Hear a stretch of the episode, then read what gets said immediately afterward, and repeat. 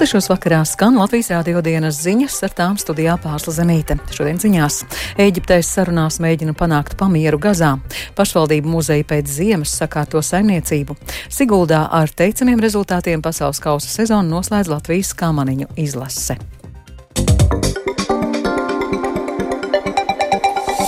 Apcietināti visi trīs Latvijas okupācijas muzeja dedzināšanā aizdomās turētie. Vakar Rīgas pilsētas tiesa apcietināja vīrieti, kurš iemeta degmaisījumu muzejā, bet šodien tiesa piemēroja apcietinājumu arī abiem pārējiem iesaistītajiem vīrietim un sievietei.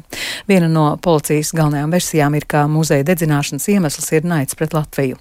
Policija sadarbībā ar valsts drošības dienestu arī izmeklē, vai notikušajā bijusi Krievijas ietekme. Odessā glābēji turpina meklēt cilvēkus. Sesdienas naktī Krievijas drona uzbrukumā daļēji sagrautās deviņu stāvu mājas drupās. Šobrīd ir zināms par desmit nogalinātiem cilvēkiem. Viņu vidū ir trīs mazi bērni. Pieļauj, ka zem drupām vēl varētu būt četri cilvēki. Odessā šodien ir sēru diena. Ukrainas bruņotie spēki ar droniem uzbrukuši okupētai Krimai. Par dronu uzbrukumu ziņoja Krievija, apgalvojot, ka tā izdevies notriekt visus 38 lidrobotus. Sociālo mediju lietotāji ziņoja, ka Feodosijas apkārtnē bija dzirdami sprādzieni un naftas bāzes tūmā redzami dūmi. Krievijas varas iestādes uz laiku slēdza Krimas tiltu. Februārī Krievija karā Ukrainā zaudēja ap tūkstošu karavīru dienā, un tas ir lielākais skaits kopš kara sākuma pirms diviem gadiem, aplēsus Lielbritānijas aizsardzības ministrija. Lielbritānijas izlūkdienestu dati liecina, ka karā Ukrainā līdz šim visticamāk nogalināti vai ievainoti jau vairāk nekā 355 tūkstoši Krievijas karavīru. Ukraina ziņo, ka Krievijas dzīvā spēka zaudējumi sasniedz 417 tūkstošus. Ēģiptē notiek mēģinājumi vienoties par uguns pārtraukšanu un pamieru starp Izrēlu un teroristiskā grupējuma Hamas pārstāvjiem.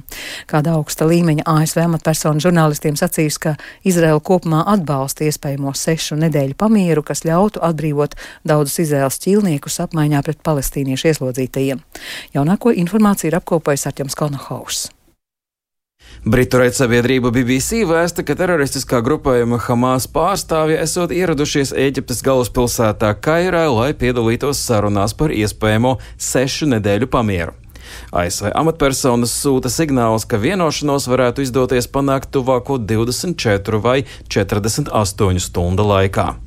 Starptautiskais spiediens panākt uguns pārtraukšanu ir palielinājies pēc tam, kad ceturtdien Gazā 112 cilvēki tika nogalināti stihiskās drūzmēšanās laikā, mēģinot iegūt humāno palīdzību. Grupējums Hamas apgalvo, ka Izraels armija ir šāvusi uz civiliedzīvotājiem, kuri mēģināja tikt pie ēdiena. Tomēr Izraels armijas runas vīrs Daniels Hagari svētdien to noliedza, sakot, ka vairums cilvēku gāja bojā drūzmēšanās laikā.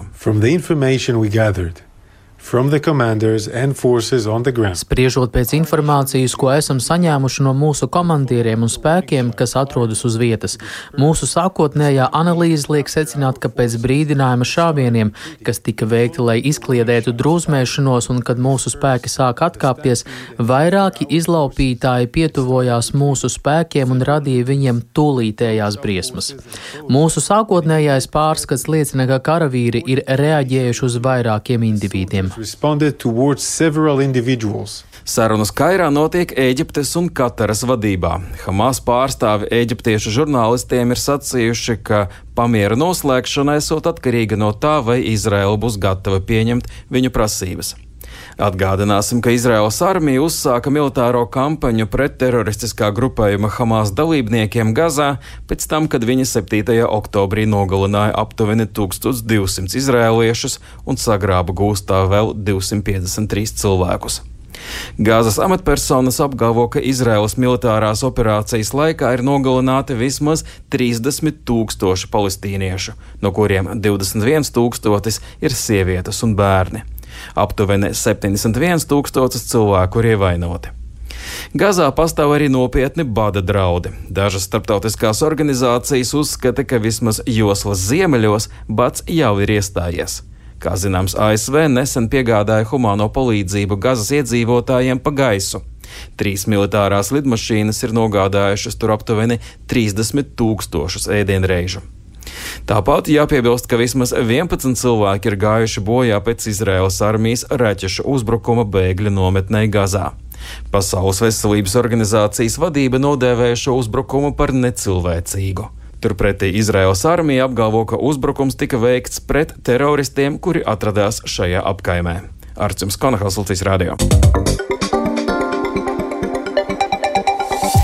Pašvaldību muzeja pēc ziemas steidz sakārtot saimniecību un brīvdabas ekspozīcijas. Nokusušais sniegs atklāja, ka šis tas jāpielabo, varbūt pat jāatjauno pilnībā. Muzeja gatavojas turistu pieplūdumam aktīvajā ceļošanas sezonā, un par to vairāk Ieva Puķa. Daugavas muzejs Doles salā aicina meistarus iesniegt cenu piedāvājumu lielgabala lafetes remontam. Šāds sludinājums parādījies kultūras iestādes Facebook profilā. 17. un 18. gadsimta mijā Kurzemes hercoga manufaktūrā izgatavotais lielgabals, kas uz Daugavas muzeja teritoriju pirms pusgadsimta atvests no kādreizējās Bērzmentes mūžas, kļuvis par iestādes vizītkarti.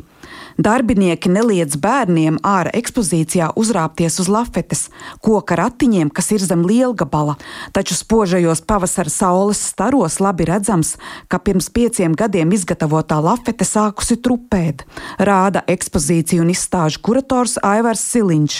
Jāizgatavo no jauna ir visas koka detaļas, bet tā darba procesā jau tajā cenu aptaujā ir norādīts, ka var gadīties, ka kāda metāla detaļa arī ir nu, vai nu jāmaina, jāmodificē. Muzeja kurators ir optimistisks. Izskatās, ka ar budžetā ieplānoto naudu lafetes atjaunošanai pietiks.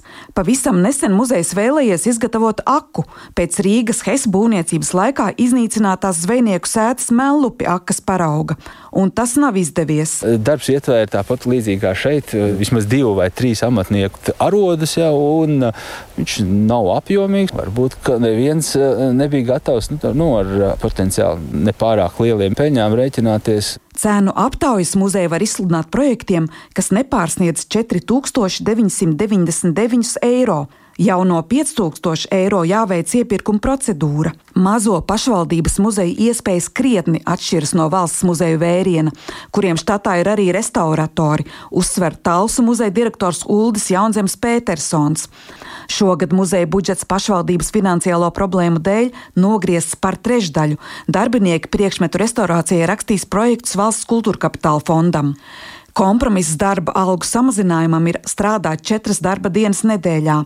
Apmeklētāji gan to neizjutīšot. Bet kā ar saimnieciskajiem darbiem? Mazāk, protams, ka Jā. mazāk cilvēki jau nav. Viss, nu, tā, nu, viņi 20% strādā mazāk, tad viņi tieši tik mazāk arī varēs izdarīt. Mums ir degošākās ir ieejas kāpnes, lai būtu muzejiem normāla ieeja un pamata hidroizolācija, bet tas nenotiks, jo tur ir vajadzīgi gandrīz pusmiljonu. Trīs gadus cilvēki iet pa sēdz durvīm. Muzeja padomas priekšsēdētāja vietnieks, Latvijas Nacionālā vēstures muzeja direktora vietnieks zinātniskajā darbā Toms Čikuts saka, diemžēl šādi palīgā saucieni nav izņēmums. Ir skaidrs, ka gan lielajiem valsts muzejiem ir ļoti nopietnas infrastruktūras problēmas, gan arī, protams, mazajiem pašvaldību muzejiem tas ir tieši tāpat. Nacionālā vēstures muzejā nu vēl joprojām neatrisināts jautājums par divām trešdaļām no Rīgas pils. Viena trešdaļa ir skaisti atjaunot un restaurēt, un rudenī tajā varēs ielaist apmeklētājs, bet tik un tā valsts lielākais vēstures muzejs būs bez savām pamatekspozīcijas telpām, un kopš 2013. gada ugunsgrēku vēl joprojām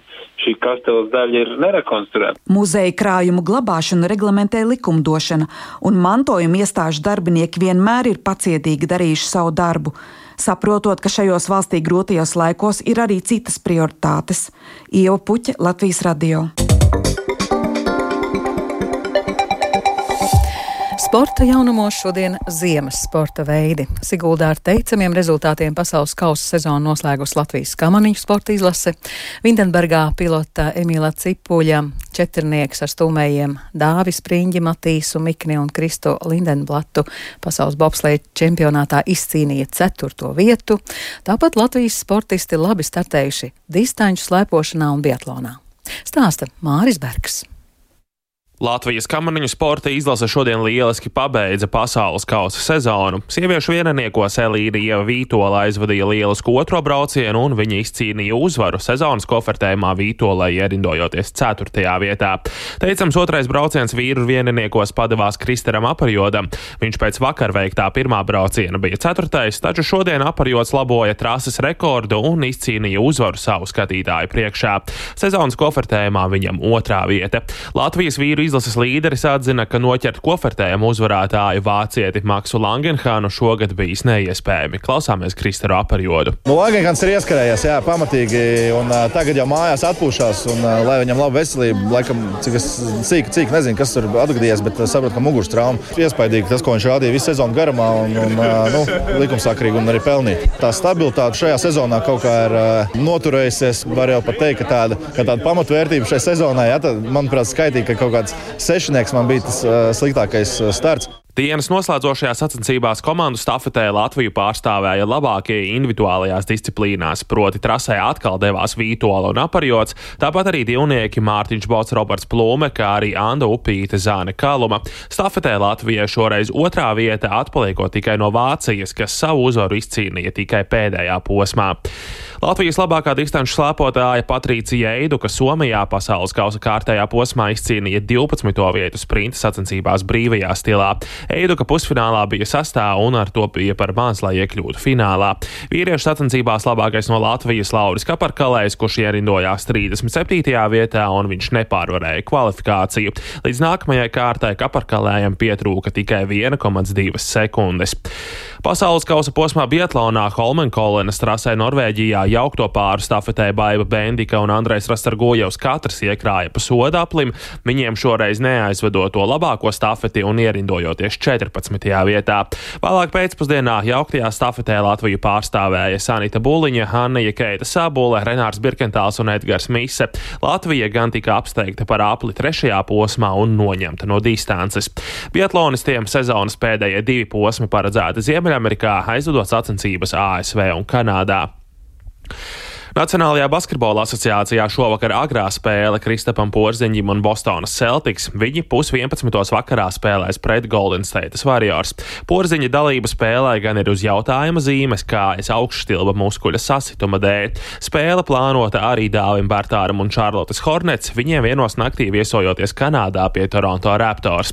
Aizvadītajā naktī kārtējo ierakstu NBA vēsturē veica Lebrons Džeims. Viņš kļuvis par pirmo spēlētāju vēsturē, kurš savas karjeras karjeras laikā NBA sakrājis 40 tūkstošus punktu.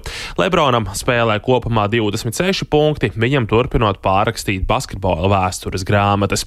Par sportu šovakar man tas tad arī viss. Un vēl par kādu vērtēšanu valsts kultūra kapitāla fonda mēķi programmas Latvijas skolas soma satura papildināšanai iesniegti vairāk nekā 80 projekti, tos pat labam vērtē. Pieejamais finansējums ir 80 tūkstoši eiro. Iepriekš projektu konkurss bija rudenī, bet šoreiz to izsludināja gada sākumā, lai ērtāk varētu piedalīties arī valsts iestādes un pēc dalībnieku lūguma termiņu vēl nedaudz pagarināja, skaidro valsts kultūra kapitāla fonda projektu kuratore Līga Ribitska. Iesniegti 84 projektu pieteikumi, tiek vērtēti projekta pieteikumu kvalitāte, atbilstība nolikumam, atbilstoši kvalitatīviem administratīvajiem kritērijiem. Mērķprogrammas konkursā var piedalīties juridiskas personas. Tas nozīmē, ka tie ir gan valsts muzeja, gan valsts kultūras iestādes, gan biedrības. Tā ir mērķprogramma, kura tika izsludināta vienreiz gadā. Un konkursa rezultāti būs zināmi 14. martā pēc Valsts kultūra kapitāla fonda padomes sēdes.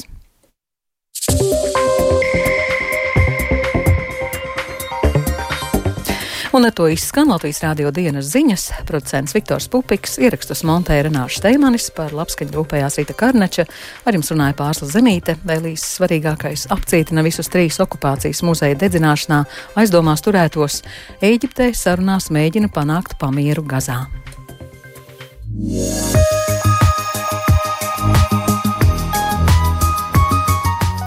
Latvijas vidas geoloģijas un meteoroloģijas centrs informē Rīgā pat labāk 7 grādi, dienvidaustrum vējš 5 m2, gaisa spiediens 768 mm, gaisa relatīvais mitrums 53%. Latvijā gaidāms neliels mākoņu daudzums, bet rīt pēcpusdienā no dienvidiem tas pakāpeniski palielināsies. Nokrišņu nebūs, austrumu vējš 2,7 m2, gaisa temperatūra naktī 0,4, valsts austrumos - 4,6 grādi dienā plus 2,7 grādi. Rīgā neliels mākoņu daudzums bez nokrišņiem, austrumu vējš 3,5 m2. Gaisa temperatūra Rīgā naktī - mīnus 1, mīnus 3 grādi, bet dienā plus 5, plus 6 grādi. Laika tips - otrais - labvēlīgs.